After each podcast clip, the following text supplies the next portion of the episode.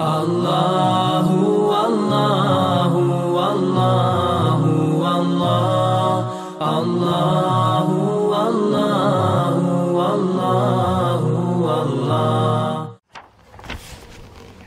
إن الحمد لله تعالى نحمده نستعينه ونستغفره ونستهديه ونعوذ به من شرور أنفسنا ومن سيئات أعمالنا من يهده الله تعالى فهو المهتد ومن يضلل فأولئك هم الخاسرون وأشهد أن لا إله إلا الله وحده لا شريك له وأشهد أن محمدا عبده ونبيه ورسوله وصفيه من خلقه وخليله ثم أما بعد.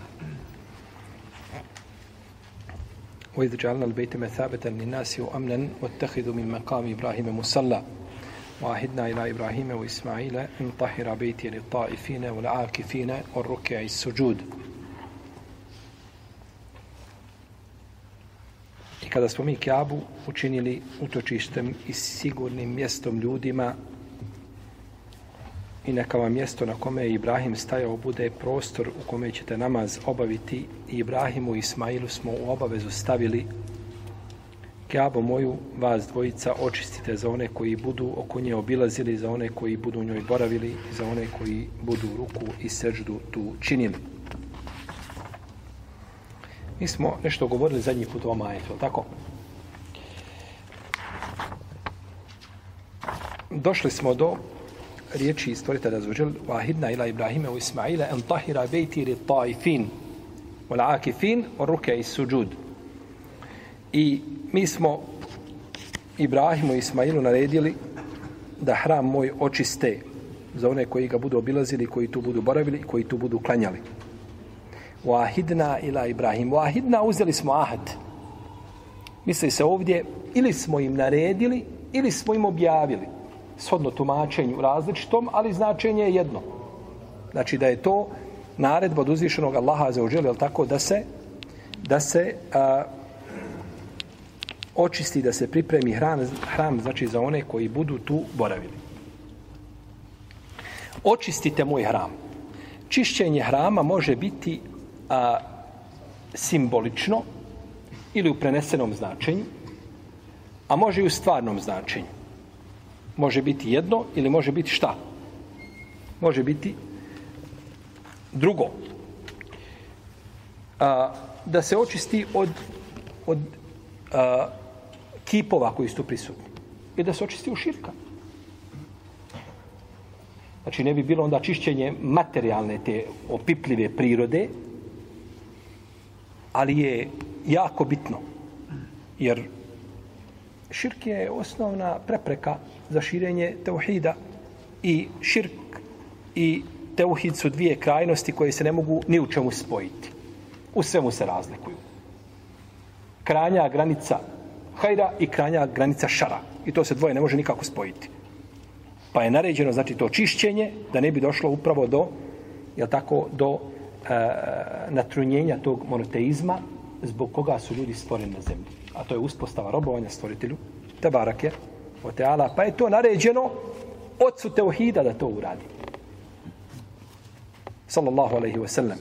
Ibrahimu alaihi sallam. Antahira bejtije. Bejti moju kuću da očiste. Kada uzvišeni Allah nešto sebi pripiše od stvorenja, on nema nikakve potrebe za tim. Šta god to da bilo. Meleka, poslanika, pa nadalje. Sve onoga što je ispod toga. Može biti to pripisivanje samo radi počasti šerefa. Tom kome se pripisuje. Allahov rob. To je čast za čovjeka da bude Allahov rob. Međutim, uzvišeni Allah opstoji sam po sebi, ako tako možemo kazati. Ništa ga potrebno nije, a sve je njega potrebno. Ništa bez njega ne može. Pa kada nešto pripiše sebi, mi kada pripisujemo nešto sebi, moje dijete, zato što imaš potrebu za tim djetetom, bar duševno, je tako? Moje auto, moja kuća, moja odjeća, za, ti imaš potrebu za tim što imaš. I sve što imaš, kaže što je moje, imaš potrebu za tim. Uzvišeni Allah nema potrebu. Nego to čini iz počasti prema onome koga pripisuje sebi, te barake o teala. Da očiste moju kuću, za one koji će oko nje obilaziti. Li taifin. Ovo li taifin a, neki učenjaci tumače da, je, da su oni koji obilaze, koji tavafe. I to se razumije po spoljašnjem značenju ajeta, to se razumije. Neki kažu da se time cilju ljudi koji dolaze iz daleka.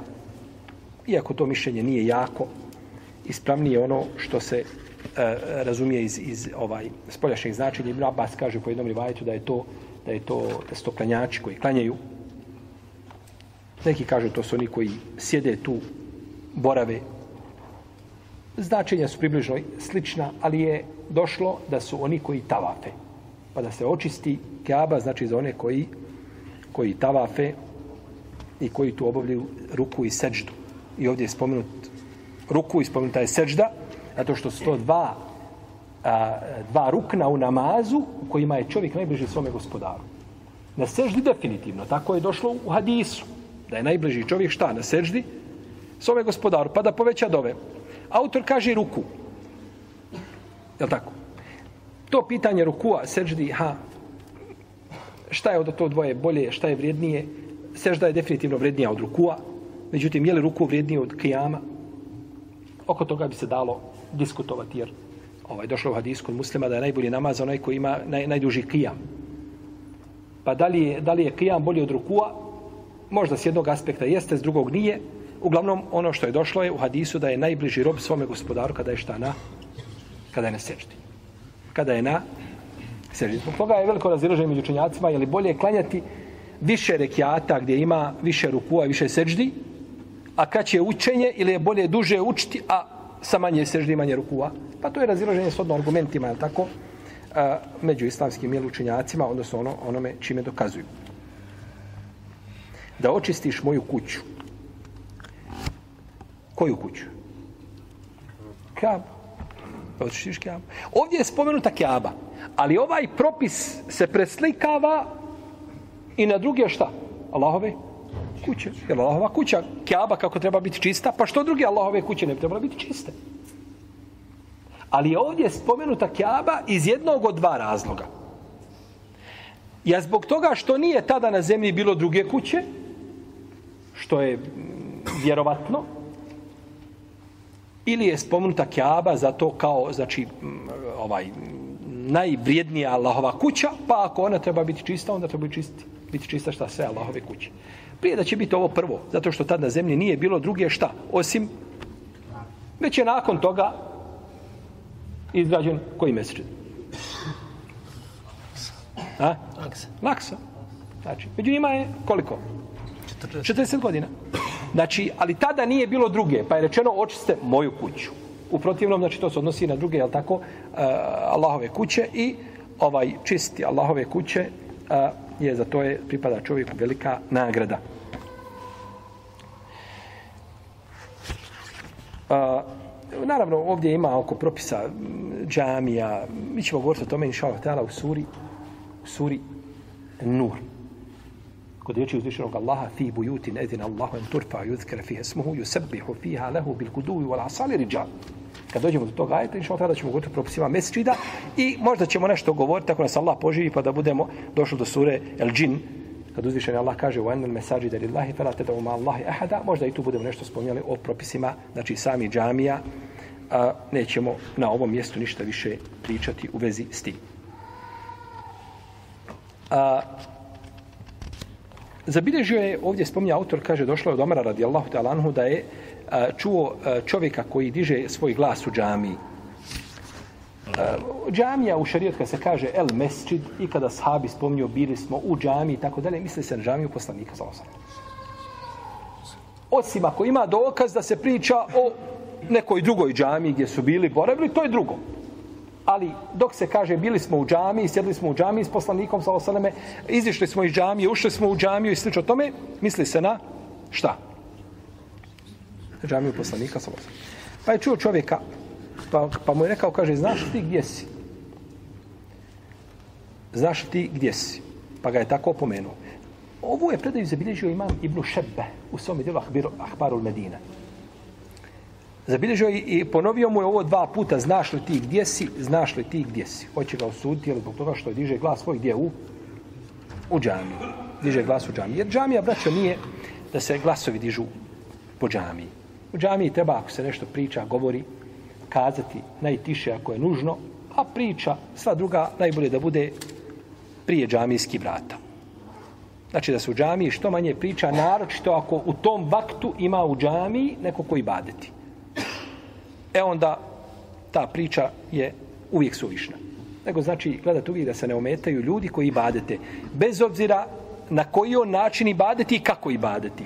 I smatrao ti to ispravno ili smatrao ti to suprotno sunnetu. Ili ti to smatrao ovako, to nikakve veze nema s time da je tebi zabranjeno da ga ometaš u džamiji. Naprotiv, poslanik sa osaname kaže, nemojte, kaže, jedni druge, nemojte dizati glasove jedni za drugi učeći Kur'an. Svako dovi moli svoga gospodara. Ti sjediš i tvoj brat pored tebe sjedi uči Kur'an. Ti ga ne smiješ ometati učenjem Kur'an. Allahovim riječima ga ne smiješ ometati. Pa kako ga smiješ ometati? Gdje si, kako si, šta ima? Tako da što kod imama Ahmeda, kod imama Malika, kod drugih sa vjerodostanim lancem prenosilaca. Znači, u džami čovjek treba, u džami može biti, ako ne znam, predavanje, imam sa bere može dići glas, da nešto ostaje upečatljivo. Da, je tako? Kad se uči Kur'an, da imam uči glasnije, da ljudi čuju, nije sporno. Ali ta priča, ali tako koja E, ne daje rezultate nikakve, nego je možda više dunjaluška, ne bi se, znači, trebali nikako dizati glasovi. Znači, u džamiji. čak je došlo kod imamo Buhari u Sahihu od Sajba ibn Jezida, kaže, poslao me Omer, kaže, dvojici ljudi koji sjedli pričali u džami i dizali glasove. Da ih dovedem. Kaže, pa sam i doveo. Pa je upitao Omer, odakle ste? Kaže, mi smo iz Tajfa. Kaže, da ste iz, ovdje iz Medine, da niste došli 500 km iz da, Kaže, ja bi vas, kaže, ovaj, naučio pameti. Kaže, udario bi vas, kaže, izudrao vas tako da bi vas doboljelo. Tako kaže. Kaže ovdje, kaže u džami, dižete glas. Džami poslanika sa osam. Pa je Omer radijallahu ta'ala ukorio i znači žestoko zbog tog, zbog tog postupka njihovog. I vi znate kad su džami, kad su se od Buhari u Sahihu je došlo kad se Kab ibn Malik i Ibn Abi Hadred uh, onako malo se ovaj raspravljali pa zdigli svoje glasove. Kaže Abdullah, sin Ibn Abi Hadreda, Kaže, pa je poslanik sa osaname otvorio zavjesu svoju, a oni se raspravljaju oko duga. Ibn Abi Hadred je bio dužan Kjabu Ibn Maliku pare. Pa je otvorio zavjesu, kaže, ti mu kaže, oprosti pola duga, a ti kaže, idi, kaže, potraži polovinu, pa mu vrati. Znači, zaustavio je to dizanje glasa gdje je u? U džamiji. Jer to nije bio, znači, običaj asaba poslanika, sallallahu alaihi sallam. Međutim, u džamiji je dozvoljeno ovako, da čovjek kaže, slušaj, brate, ovaj, nemoj me zaboraviti. Dužan, hiljadu, nemoj me, kaže, zaboraviti. Da ga poziti, nije problem. Da kaže, ovaj, sačekaj me napolje, imamo auto, nešto da dam u džami, nije problematično. Na osnovu ovoga hadisa, jer poslanik nije ukorio zato što, što on tražio dug, to nije kao prodaja. Možeš kazati čovjek zatražio dug svoju džamiju od tebe, nije te mogo nigdje saleti nego u džamiji da našao, tako? Moraš doći u džamiju, I onda ovaj kaže auzu billah kaže takvog muslimana. Zamisli u džamiji traži svoj dug. To nije prodaja. To nije kupovina, ni ništa. Znači, ono što je zabranjeno je zabranjeno, jasno. Ali ono što ne ulazi u taj propis, ne ulazi u taj propis. A, došao kod muslima u sahihu od Ibnu Mesoda da je poslanik sa osam rekao poredao ashave u safove, kaže, neka kaže, za mene staju u safoni, kaže, koji su najrazumniji od vas, koji su naj, najučeniji, naj, najzreliji i tako dalje. Jeli kako je sunnet da, da, da iza imama budu, radi potrebe da se zamijeni imam i slično tome. I onda kaže, Iyakum muhejšatil aswaq.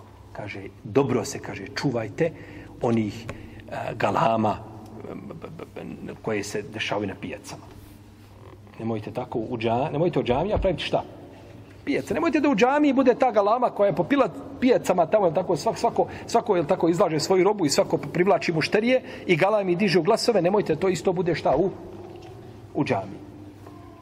Nemoj da to isto bude u džami. Znate da je poslanik, kako došlo muslimo sahihu, da je poslanik izišao, pa htio sahabovi vijesto noći kadra. O tako jednom bitnom ovaj vremenu, tako jedno bitnoj noći oko koje je rat nastao među učenjacima nakon toga rat dokaza, kažemo, jeli? Pa kad je čuo dvojicu da se raspravljaju, kaže uzdignuta je, kaže. Raspravljaju se. Rasprava koja je bila, dizanje glasova u džamiji, uskraćen bereket ummetu cijelom, zbog čega? Dvojice ljudi.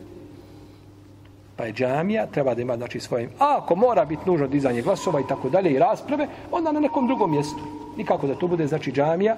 Iako islamski učenjaci kažu da je dozvoljeno u džamiji raspravljati o vjerskim pitanjima, fikskim i da svako dokazuje i tako dalje, da tu ima malo i natezanja, pa tu ima ponekad i glas da se digne, jer tu je cilj da se dođe do čega? Do istine. Međutim, ovaj ome pozajmio auto, ovaj mu nije vratio, ovaj napravio više kilometara što su dogovorili. Kakva je istina, bola? Nikakve istine. To je među vama privatna vaša stvar koju vi trebate rješavati negdje van džamijskih zidova, a ne znači u džamiji. Pa, a, dizanje glasa, znači u džamiji, nije pohvalno i to skraćuje bereket džamije. Jer to je Allahova kuća koja je namijenjena za ibadet, pa ne treba znači da bude u njoj dizanje dizanje glasova. Možda ćemo doći malo kasnije da nešto možda danas ili eventualno u narednom predavanju da progovorimo o pitanjima vezanim o, o toj dunjalučkoj priči u džamiji. Tako, ovo je sad dizanje glasa u džamiji, ne bi trebalo znači biti čak ni ovaj ometanje, znači drugi ljudi, ovaj čak ni u, jeli, u vremenu ibadeta. Ovdje autor za, spomenuo predanje, kaže, kaže u Seifer radijallahu ta'ala da je poslanik, sam sam rekao, Allah mi je objavio o ti koji opominješ, o ti koji si poslanik, opomeni svoj narod da ne ulaze u moju kuću osim čistih srca i iskrenih jezika i čistih ruku i čistih spolnih organa, misli se da nisu nemoralni.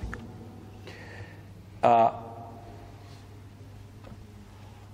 neka niko ne ulazi u moju kuću u takvom stanju i neka niko ne ulazi u moju kuću dok ima nekakvu nepravdu koju učinio drugom čovjeku. Kaže, neka ne stoji ispred mene takav, ja ga, ja ga kaže, proklenjem. Dok je god takav ispred mene, ja ga proklenjem.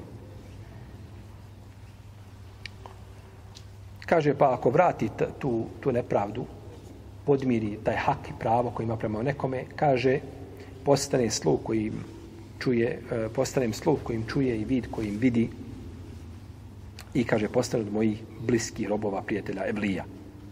I bit će, kaže, u mome komšiluku sa poslanicima, dobrim i šehidima. E, ova predaja koju je spomenuo autor ovde, joj je zabilježio, imam Ebunu Ajmu, svojom delu Hilije, i ova predaja je daif Daif. njen kontekst je sam čudan, jako čudan kontekst.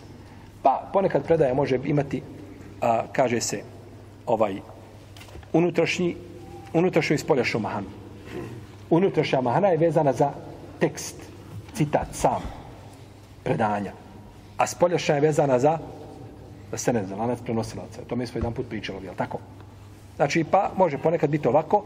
Ova spoljašnja, njoj je ovaj puno lakše prići nego ovoj unutrašnjoj. Jer unutrašnja, a, ona je vezana za spoljašnju. A spoljašnja nije vezana za unutrašnju. Pa tu ovaj, to je onda pitanje vezano za stručnjake hadijske da se oni time bave.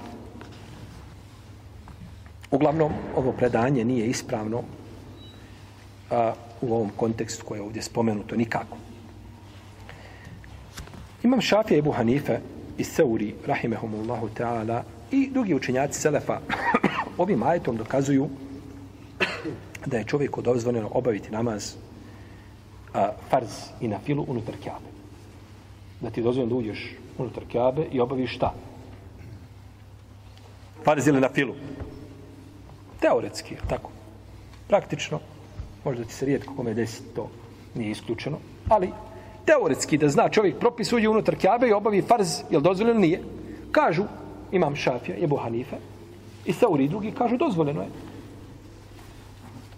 Jer se spominje, jel tako, ovaj, obavljanje, da očisti svoju kuću za one koji budu obavljali šta? Ruku i se bilo u kući ili mimo kuće, dozvoljeno je, kažu, obaviti na jednom i na drugom mjestu i to nije problematično.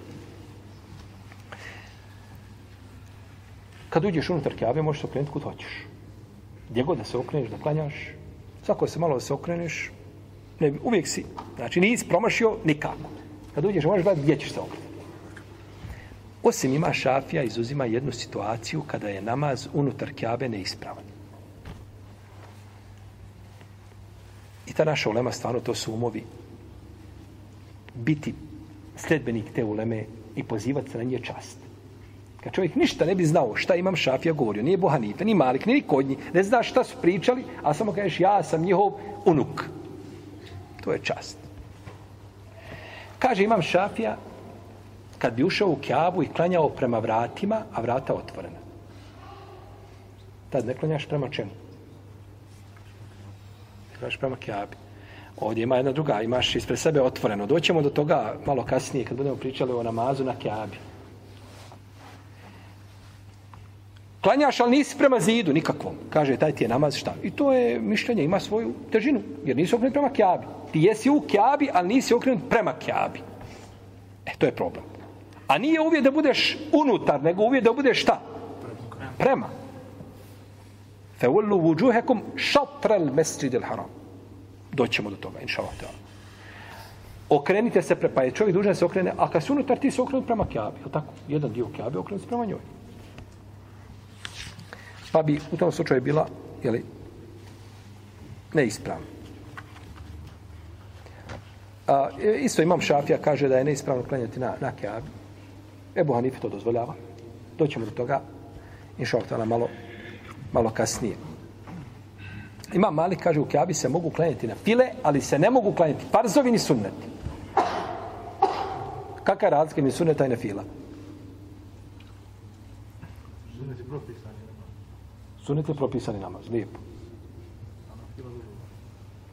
Znači, sunnet ako ostaviš griješan si. Propisani su Molim? Sunet pritvrđeni, jel? Pritvrđeni sunnet. Imate pritvrđene sunnete koji su... Kad kažemo sunneti, misli se na sunnete koji stiču propisani namaza. Sabarski sunnet, podnevski sunnet, kindijski sunnete, donemo lemu koji kažu da imaju kindijski sunneti, akšavski, jacijski. Jel u redu? To su sunneti. I ko klanja 12 sunneta u jednom danu, to su sunneti. A imate onda na file, mi to dobro, mi kažemo sve sunneti nešto je dobrovoljno. To jeste s tog aspekta posmatrano dobrovoljno. Ali ovi su sunneti na većem deređu od općina fila. U redu? Čak imam Ibnu Ređep el-Hanbeli u svome dijelu eh, Lataiful Me'arif je rekao da su sunneti pritvr, ovi koji su vezani za namaze, sabaski, podevski, akšemski i tako dalje, bolji od noćnog namaza. Iako je u hadisu došlo šta da je najbolji? Namaz posle farza šta? Noćini. Kaže, jeste nakon farza i onoga što je vezano za što? Tako to tumači. Ima svoje mjesto. Onoga što je vezano za farz. Jer ono što je uz farz, to je prije farza i posle farza, to je preče da bude vrijedno od onoga što je odvojeno od svega toga. Jel u redu? Mišljenje jedno kod islamskih učenjaka. Uglavnom, šta smo govorili? Da li je dozvoljeno, mi smo kazali, imam mali, kaže da je zabranjeno klanjati farz i da je zabranjeno klanjati sunnete unutar džamije, a kaže da je dozvoljeno klanjati šta? Na file. Kaže da je dozvoljeno klanjati na file, rahimehullahu ta'ala. I kaže, ima mali ko klanja farz unutar kjabe, mora ponoviti tako je vremenu. Klanjamo se podne, izišao malo, obavio tavaf, sedam krugova, obišao kjabe, ima još vakta za podne, kaže ponovi.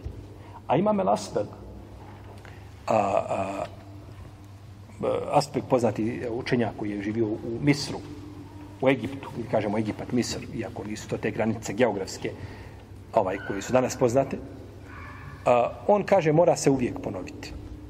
To se kaže mora uvijek. I imam Kurtubi, kaže to je ispravno mišljenje. Imam Kurtubi otvorno mišljenje, ako klanjaš farz unutar kjabe, moraš šta? Ponoviti namaz. Moraš ponoviti namaz. Zašto? Kaže imam Kurtubi, došlo je, kaže, kod muslima u Sahihu, od Ibn Abasa, kaže, obavijestio me u same Ibn Zeid da je poslanik ušao, kaže, u Kjabu, ušao unutar Kjabe, Dovio je, kaže, u svakom uglu od Kjabe, kaže, potom je izišao napolje i klanjao ispred Kjabe i rekao, kaže, ovo je kibla. Pa nije klanjao šta? Nego je izišao za namaz napolje i kaže, ovo je vaša kibla. Kaže, dalje autor, imam Kurtubi, kaže, a ako bi ti slučajno neko rekao, zabilježio imam Buhari u svome sahihu, od Ibn Omara, kaže, ušli su u, u Kaabu, poslanik, sallam, u samim Zaid, Bilal i Talha ibn Osman. i kaže, bilo jedno vrijeme i izišli. I prvi ko je ušao nakon njih, kaže, bio sam ja. Ko je to bio ja? Abdullah ibn Omar, ravija hadisa. On nije bio unutra. Kaže, pa sam pitao Bilala, je li, je li poslanik klanjao sa unutra? Kaže, jeste. Klanjao je, kaže, između ova dva stuba. A u rivajetu kod muslima kaže se da mu je na desnoj strani bila dva stuba, a na lijevoj strani jedan, a iza njega tri, jer je Kjaba bila na šest stubova. I klanjao je, kaže, tu. Kaže, imam kurtobi, ako ti neko kaže ovo, mi ćemo sad, imam kurtobi, mora šta braniti, mišljenje koga? Imama Malika, imama svoje pravne škole, da se ne može klanjati unutar Kjabe. Kaže, a ako ti neko, to učenjaci često kažu, a ako ti meni kažeš šta je s tim i tim, ja ću tebe odgovoriti tako, tako da ti izbiješ šupu, da te ubijedi ono šta, što? Što govori? Kaže, a ako ti meni kažeš, spomeneš ovo, ja tebe kazati, ovdje se kaže salla. Kaže, klanjao je. Međutim, salla u arapskom znači, sala znači dua, dovio je dovio je. Pa je prvi hadis u kome je bio pojasnio šta? Drugi, da se radi o čemu? O dovi. Jer sala, riječ es sala u jeziku, arapskom znači dova. A u terminologiji je nešto drugo. U terminologiji je to, znači, ibadet s posebnim pokretima u kojima imaju posebni, znači, citati koji se govore sa nijetom, koji ima svoje šartove, ruknove i tako dalje. Jel u redu? Pa kaže, odnosi se na šta? Na dovu, a ne odnosi se na na namaz u terminologiji šarijata. Ovdje ima jedna stvar koja je bitna, a to je kuranski citati i hadijski. Kada ih čujete i ono što iz njih Arab razumije, koji zna arapski jezik s poljašnjim značenjem što razumije i svata, to je ciljano jer je Kur'an objavljen na jasnom arapskom jeziku. Ako želiš to značenje spoljašnje, da, da, što se zove te'wil, što je sarfu lafzi al zahirihi, da se protumači nešto mimo spoljašnjeg značenja, moraš za to imati dokaz. Ne, ne cilja se to, nego se cilja do ovaj, a dokaz mi je to, to i to. Imam Kurtobi ovdje, rahimahullahu ta'ala, kaže šta? Radi se o čemu? O dovi, a ne radi se o namazu.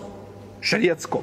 O dovi. I kaže imamo hadis Ibn Abasa prije toga kod muslima da nije klanjao, nego izašao na, na, napolje naprotiv, kazao šta? Ovo vam je? Ovo vam je kibla. Iz dokazi. Pa jesu dokazi. Jesu dokazi. Oborio ti imamo mišljenje. Ovaj tvoj dokaz kojim ti dokazuješ, on kaže, on je šta? Postoji mogućnost.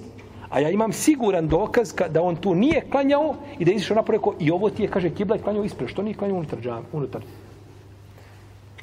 Ja, tako, to je dokaz kad se gleda s te strane. Međutim, zabilježio imam Nesaja u svom dijelu Mučteba sa vjerodostonim lancem pronosa, to je mali sunen njegov, da kaže, ušao je poslanik i klanjao je dva rekeata. Kako ćemo sad protumačiti? Ha? Ostajemo na fila na fila, nas zanima namaz. Je li poslanik klanjao u džami ili nije klanjao? Kaže, klanjao je dva rekiata, ne možeš kazati dobio je dvije dobe. To niko nije kazao nikada. Kaže se, klanjao je dva rekiata, znači time se, time je došlo pojašnjenje u tom rivajetu kada je rekao klanjao je, da, klanjao je dva rekiata. Tako da je time, znači, ovaj oboreno to mišljenje da se kaže da nema je tako namaza unutar čega? Unutar kjabe. Da nema namaza unutar kjabe, to nije znači jako.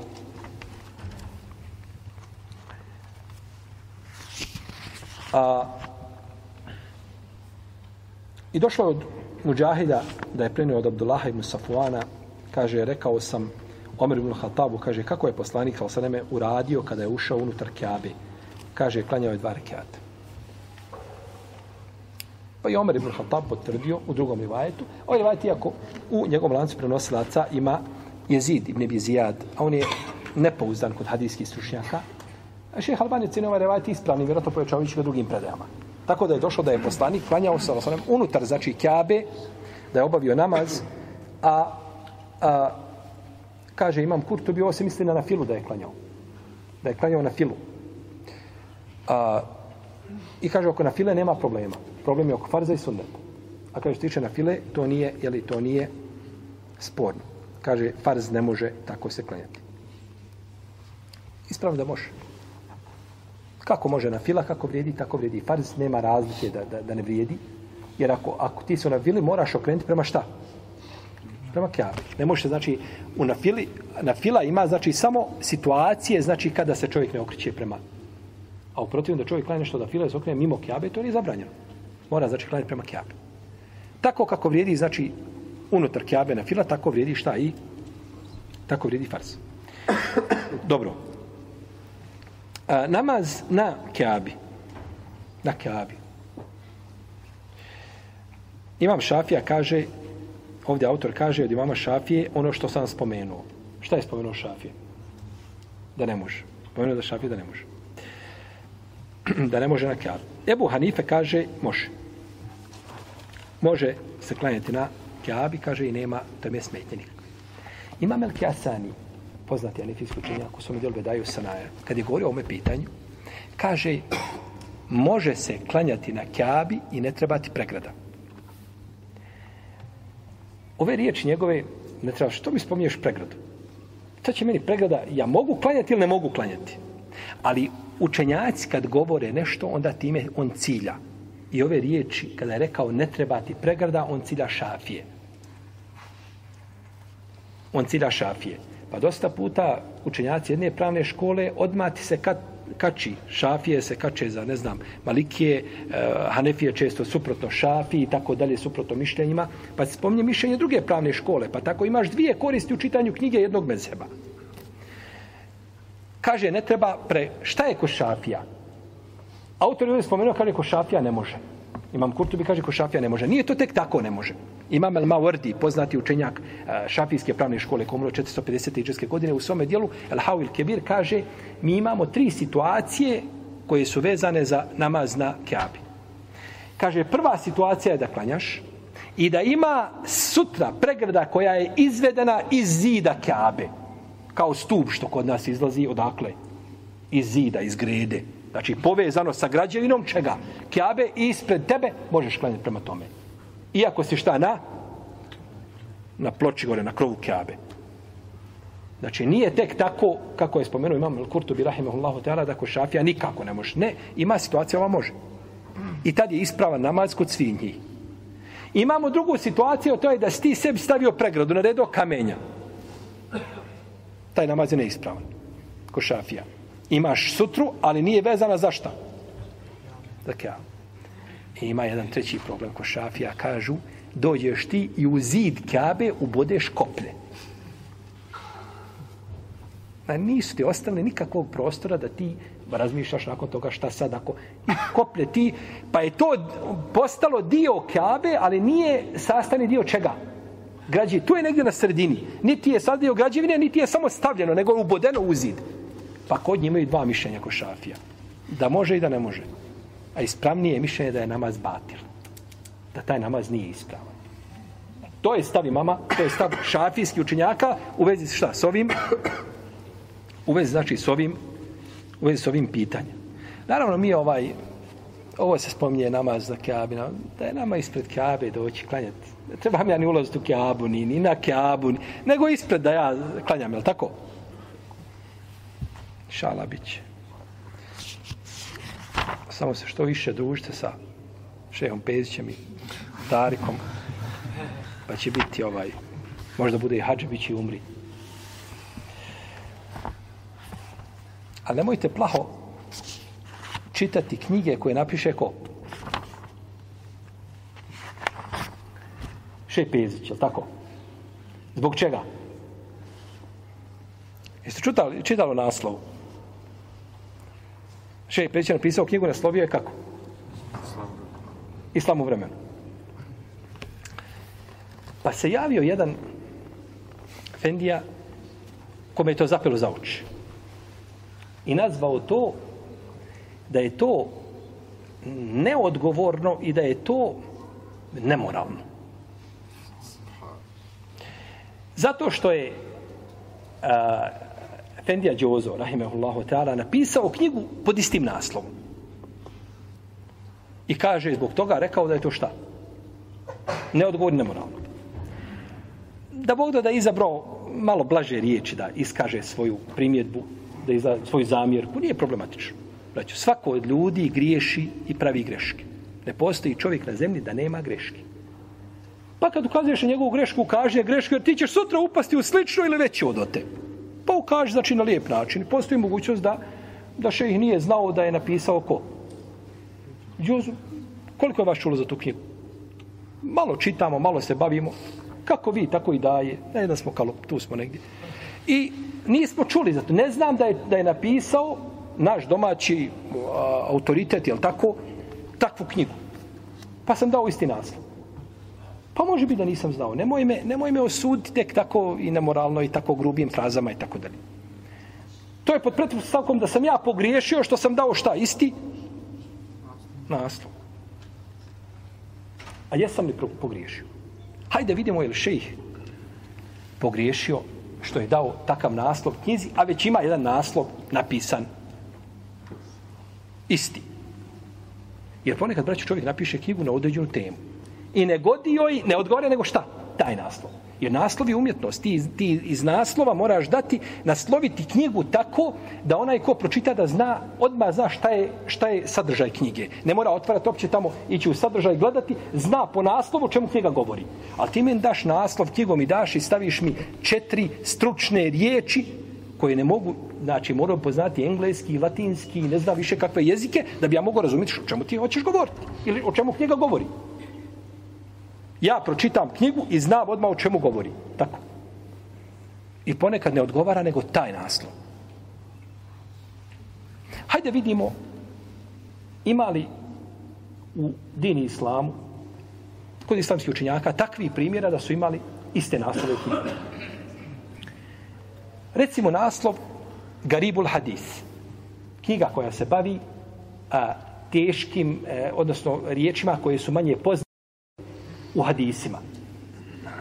Pod tim naslovom je napisao knjigu. Govorimo sad o, o istom šta? Naslov.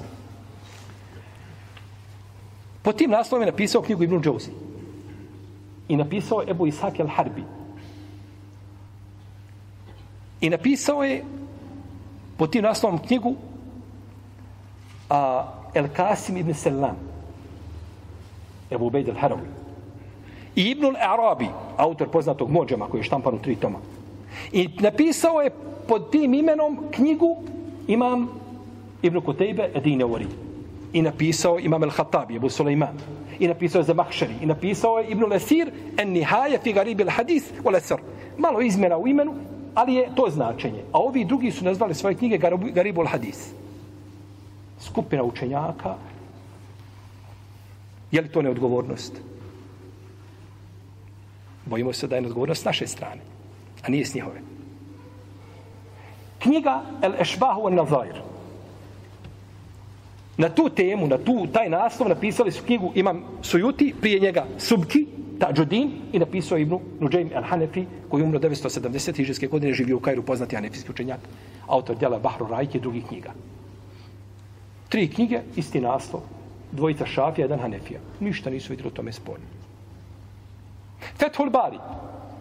Ibnu Hađar napisao Fethul Bari, Ibnu Ređeb napisao Fethul Bari. Živjeli su, e, doživio Ibnu, jer Ibnu Hađar je imao 20 i nešto godina kada je, kada je Ibnu Ređep umro.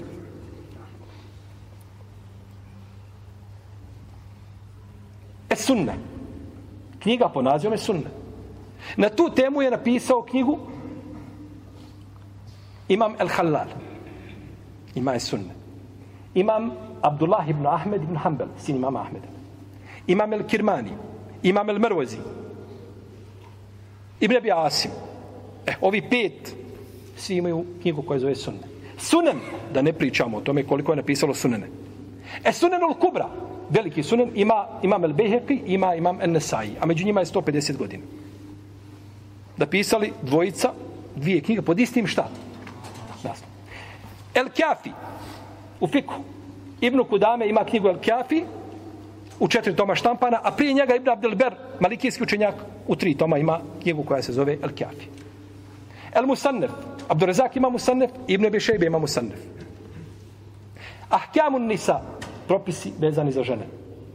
Ima, ima, ima Ibn Džauzi ima u jednom tomu i ima Ibn Latar Ešafija ima u četiri toma knjigu sa lijepom valorizacijom jedna doktorica uradila eh, Iman bint Muhammed, nešto tako, doktorica šerijata. Uradila je valorizaciju te knjige u četiri toma. Propis vezan za...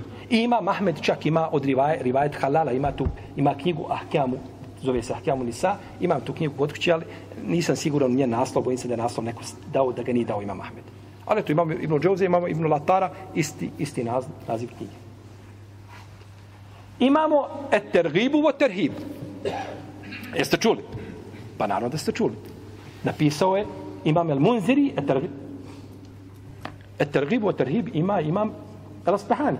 Koji imamo sunne, umro 535. hiđarske godine. Napisao ga u tri toma. I ima isto Ibn Šahin u dva toma štampana. Isto, et tergibu terhib se zove. Delailu Nubuva. Dokazi poslanstva.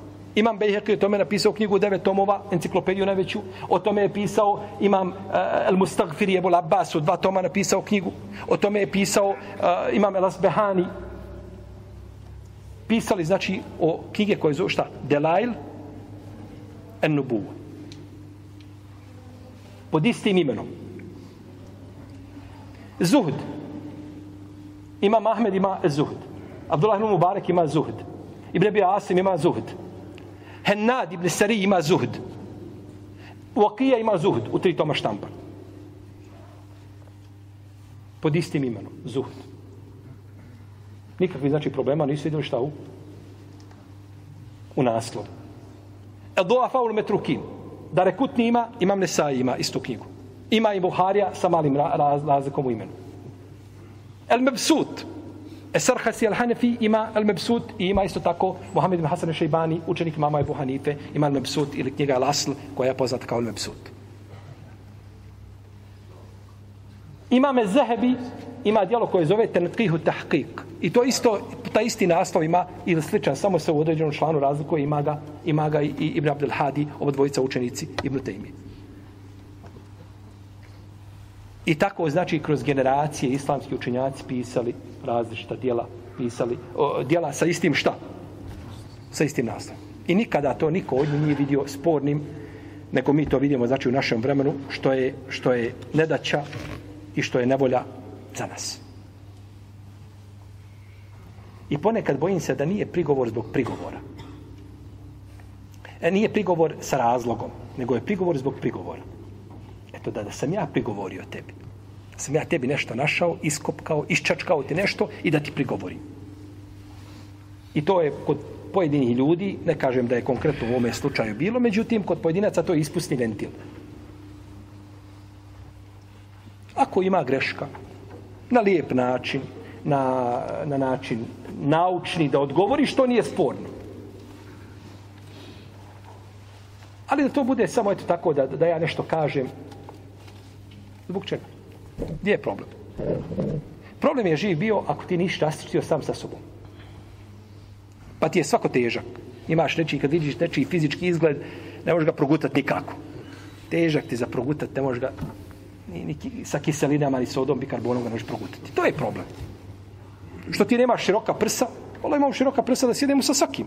Sa svakim da sjedemo i da pričamo o dini islamu, ako nije musliman, a ako je unutar dini islama da pričamo o menheđu na kome se nikakav problem nije. Pa ideš bio svojim putem ili ćeš, me, ili ćeš me ubijediti, ili ćete ubijediti, ili ćemo svako se razići nakon toga, ima svako svoj put. Nisi mi težak i ovaj ne ostim nikakvu muku i, i ne znojim se kad te vidim.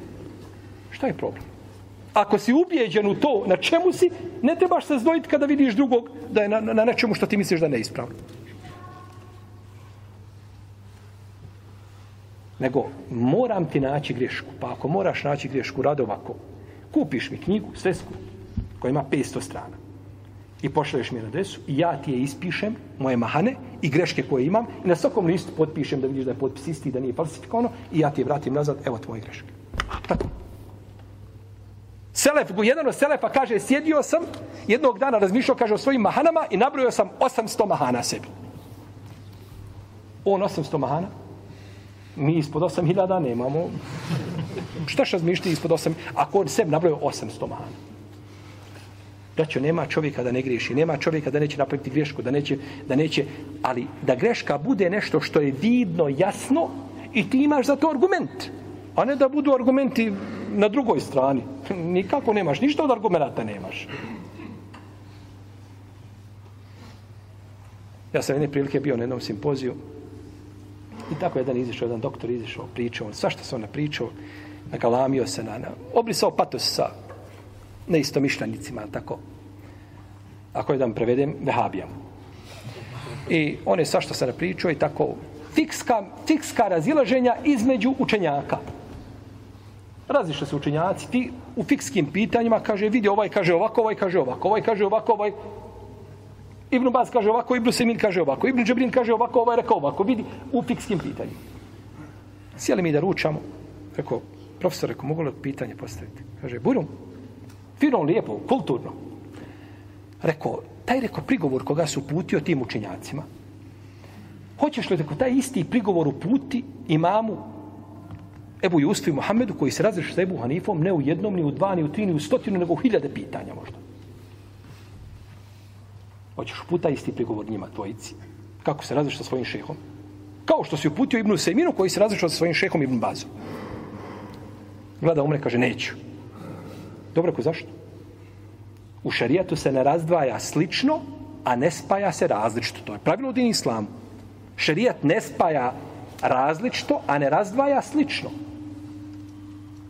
I zato kad ima, ima imate pravilnik, čovjek kad odgovara na pitanja, ima pravilnik, menheđu odgovoru neće razdvojiti slično, neće spojiti različito. I odgovori bivaju uvijek isti. Kaže, neću. Dobro, rekao, zašto? Kaže, zato kad je što vi uvijek nešto pametujete.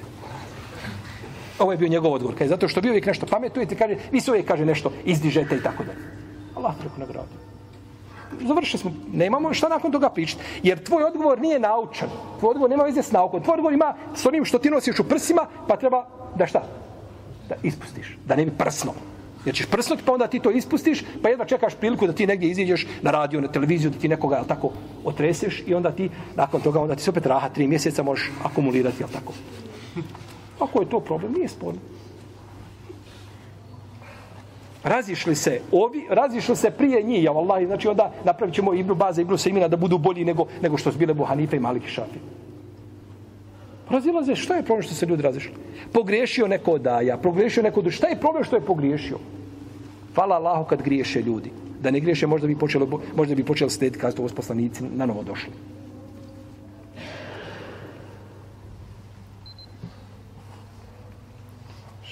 Šta nas odvede? Sa ovim naslovom. Sve da ste vi čuli za taj naslov.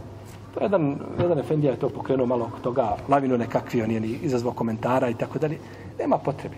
Ako ima prigovor, čovjek pogriješio, nije problem. Kogod da je da se ukaže na grešku, nije spor. Ali tek tako doći pregovor samo da, to, da bude prigovor, da, da, da, da, da ne ostane tamo taj dan da se nisam oglasio na Facebooku. To je, to je stvarno neprimjerno. I ne bi se to smjelo dešavati ovaj nikome i nemoj, kako kaže uzvišeni Allah, wala يَجْرِمَنَّكُمْ شَنَانُ قَوْمٍ ala an تَعْدِلُوا اِعْدِلُوا i'dilu huwa aqrabu nemojte se kaže nemojte vas nepravda koju ili mržnja koju nosite prema jednom narodu navede da nepravedni budete. Ne koliko god da te mrzim ja ću biti prema te pravedan nisi rekao to i to. Kazao je to i to a da li stoji to mislio ja ne znam da li si mislio. Jer ja ne mogu ulaziti u tvoj nijete, tako? Ali znam šta si rekao ne znam šta si mislio ali ja znam šta si rekao i šta si mislio, a budući dok tako misliš, tu mora imati još nekakva pozadina, pa ti ja te pozadine sve slistam, ja uđe bolom tvoj nijet, pa ulazim, to, to je samo uzvišeni, Allah zna šta je u tvome srcu.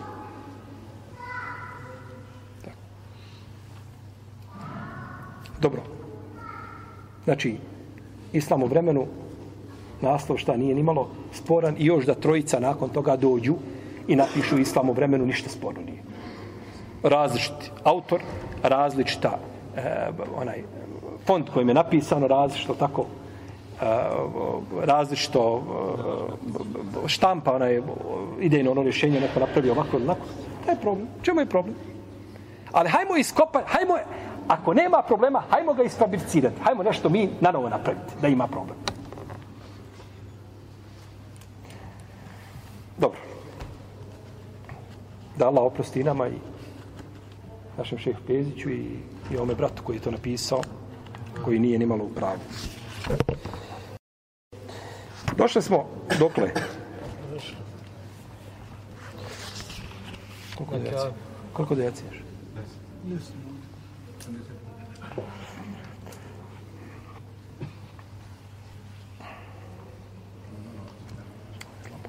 Dobro, uglavnom, kazali smo, unutar kjabe može se obaviti namaz. Može se obaviti namaz, šta i? Na Kabi. Možda se namaz na Kabi, s tim da postoji razilaženje među učinjacima. I ovo mišljenje mama Šafije da bude nekakva sutra nešto što je građeno u Kabi, pa to bude građevina koja je fiksna, ima svoje mjesto. Ima stvarno svoju težinu, jer to je opet dio, opet susmjeren prema čemu? prema dijelu Kabe. Ali klanjati bez ičega gore da nema, ha, to je pitanje čtihada, jele, među islamskim, među islamskim učenjacima. A, isto tako, učenjaci razilaze šta je bolje kada je riječ o ljudima koji su unutar, kja, unutar e, mesečida. Da li im je bolje da više tavafe ili da klanjaju? Razilaženje među lemom. Džumhur uleme kaže da je namaz bolji od tavafa. To kaže većina pravnika. Da je namaz bolji od čega? Od tavafa. Jer za namaz postoji dokaz, je tako, o vrijednosti namaza. A za tavaf, znači, u tom smislu ne postoji, znači, tako jasan. Znači, postoje odlike tavafa, imaju hadisi, međutim, nema, nema znači, tolika nagrada kao za namaz. Ima Malik je ovdje odabrao jedno drugo mišljenje, gledajući na hali stanje ljudi. Pa kaže, za stanovnike Mekke je bolje da tavafe, oprostite, za stanovnike Mekke je bolje da klanjaju, a za strance je bolje da tavafe više. Jer ti namaz možeš obaviti gdje god hoćeš, je tako? I u svome mjestu boravka. Nije te vrijednosti. Ali si za tavaf vezan samo za to mjesto i ne možeš tavafiti nego ti par dana što si došao i ideš, je tako? Pa kažu, bolje to iskoristiti u čemu? U tom ibadetu koga neće imati priliku činiti gdje? Dok Mekija kad god dođe, je tako, znaš što Meka nekada nije bilo ono što je danas. Meka je nekada bilo oko Harema ili malo dalje. Harem je mogao svako stići od Ezana do, do Ikameta, svako je mogao stići u džamiju. Pa, pa je bolje, kažu da više šta? Mekija, da više klanja. A stranac da više tavafi. Ima to svoje mjesto. Znači, nije isključeno. Međutim, za namaz imamo nagradu obećanju, posebno. I ponekad čovjek tavafi, pa se izmori i ne klanja, ili ovaj, draže mu je, ovdje možda bi moglo biti pravilo da je čovjeku bolje, ako to nije Ibnu Usejmin odabro.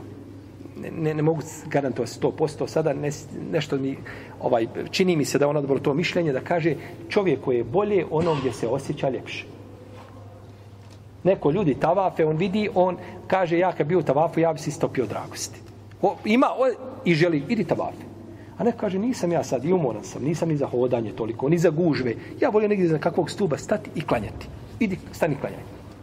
Pa tamo gdje će čovjek bolje osjećati, gdje će to mi daći veće šta? Pravo to je bolje za njih. I tako mi je općenito ovaj, u ibadetima čovjeku. Jel ti bolje ovaj, da, da, da, da, da ne znam, postiš dobrim post da više učiš Kur'an? Tamo gdje se čovjek osjeća ljepše i bolje i gdje osti da će to mi bade dati veće pravo, čovjek posti ništa. On kad posti ne smije ga niko ništa upitati. Progovorca njim ne smiješ. Ha, ništa. Samo ga pusti do jezana. Kad se najde, onda mu priče šta hoćeš. A imate ljude, je tako, on kad posti, onda on osti stvarno da je, on je on. On je tada Allahov rob imate ovako, pa kako če, se čovjek osjeti u ibadetu određenom, taman taj ibadet bio manje vrijedan od drugog ibadeta na osnovu argumenta, ali ja ostim da tom ibadetu daje veće pravo i da mi taj ibadet koristi lično u smislu jel tako, e, tog duševnog nekakvog ovaj uzdizanja jel tako, i, i osjećaja, e onda je bolje da čini to što gdje se osjeća ljepše i bolje. Jer nije, braćo, nije od ibadeta ciljana samo forma. Treba i suština. Ako je samo zastaneš, onda čovjek da klanja i tako dalje. Ne, forma uz znači suštinu da se to dvoje znači spoji. Tako da pitanje ovdje znači ostaje vezano opet za čovjeka, je li gdje se vidi a, a, znači ovaj gdje, gdje, gdje se osjećati ljepše i, i kom će znači ibadetu dati veće pravo, a ponavljamo da mišljenje mama Malika ima svoje mjesto s ovog aspekta posmatrano, budući da ljudi koji dođu stranci, ali tako, nemaju nego to mjesto, braću, ne postoji na zemlji mjesto oko kog možeš tavafiti, osim oko čega? Oko Kjabe. Protivno ti možeš tavafiti gdje god hoćeš. Čovjek napravi sebi kuću, odnosno da tavafi oko svoje kuće. Jeste dozvoljeno tavafi da gleda ovaj zidine i fasadu kako on to lijepo rodi, da se slika selfie. Po vas dan tavafi. Ali to nije ibadet. To je tvoje da tebi se duša ispuni da kažeš stvarno sam je, ali ja sam je muški sam je napravio. To je tvoje, to nije problematično. Ti gledaj, hodaj, ali to nije tavaf ibadeta, to je hodanje, kruženje, nazovi kako hoćeš. Međutim, tavaf u ibadetu jedino oko kjabe. Niti oko kabura, niti oko nigdje. Samo oko kjabe. I doćemo do toga a, u narednom druženju. Tavaf mimo kjabe, tavaf oko džamije. Šal, tada ćemo o tome, ovaj, to se trebalo večeras razgovoriti, malo smo ovaj, a, od, oduljili više što smo trebali, pa ćemo o tome govoriti, inša Allah, u našem narednom druženju. Allahu te alamu, sallallahu alaihi wa muhammed, wa ala alihi wa sahbihi wa Allahu, Allahu, Allahu, Allahu.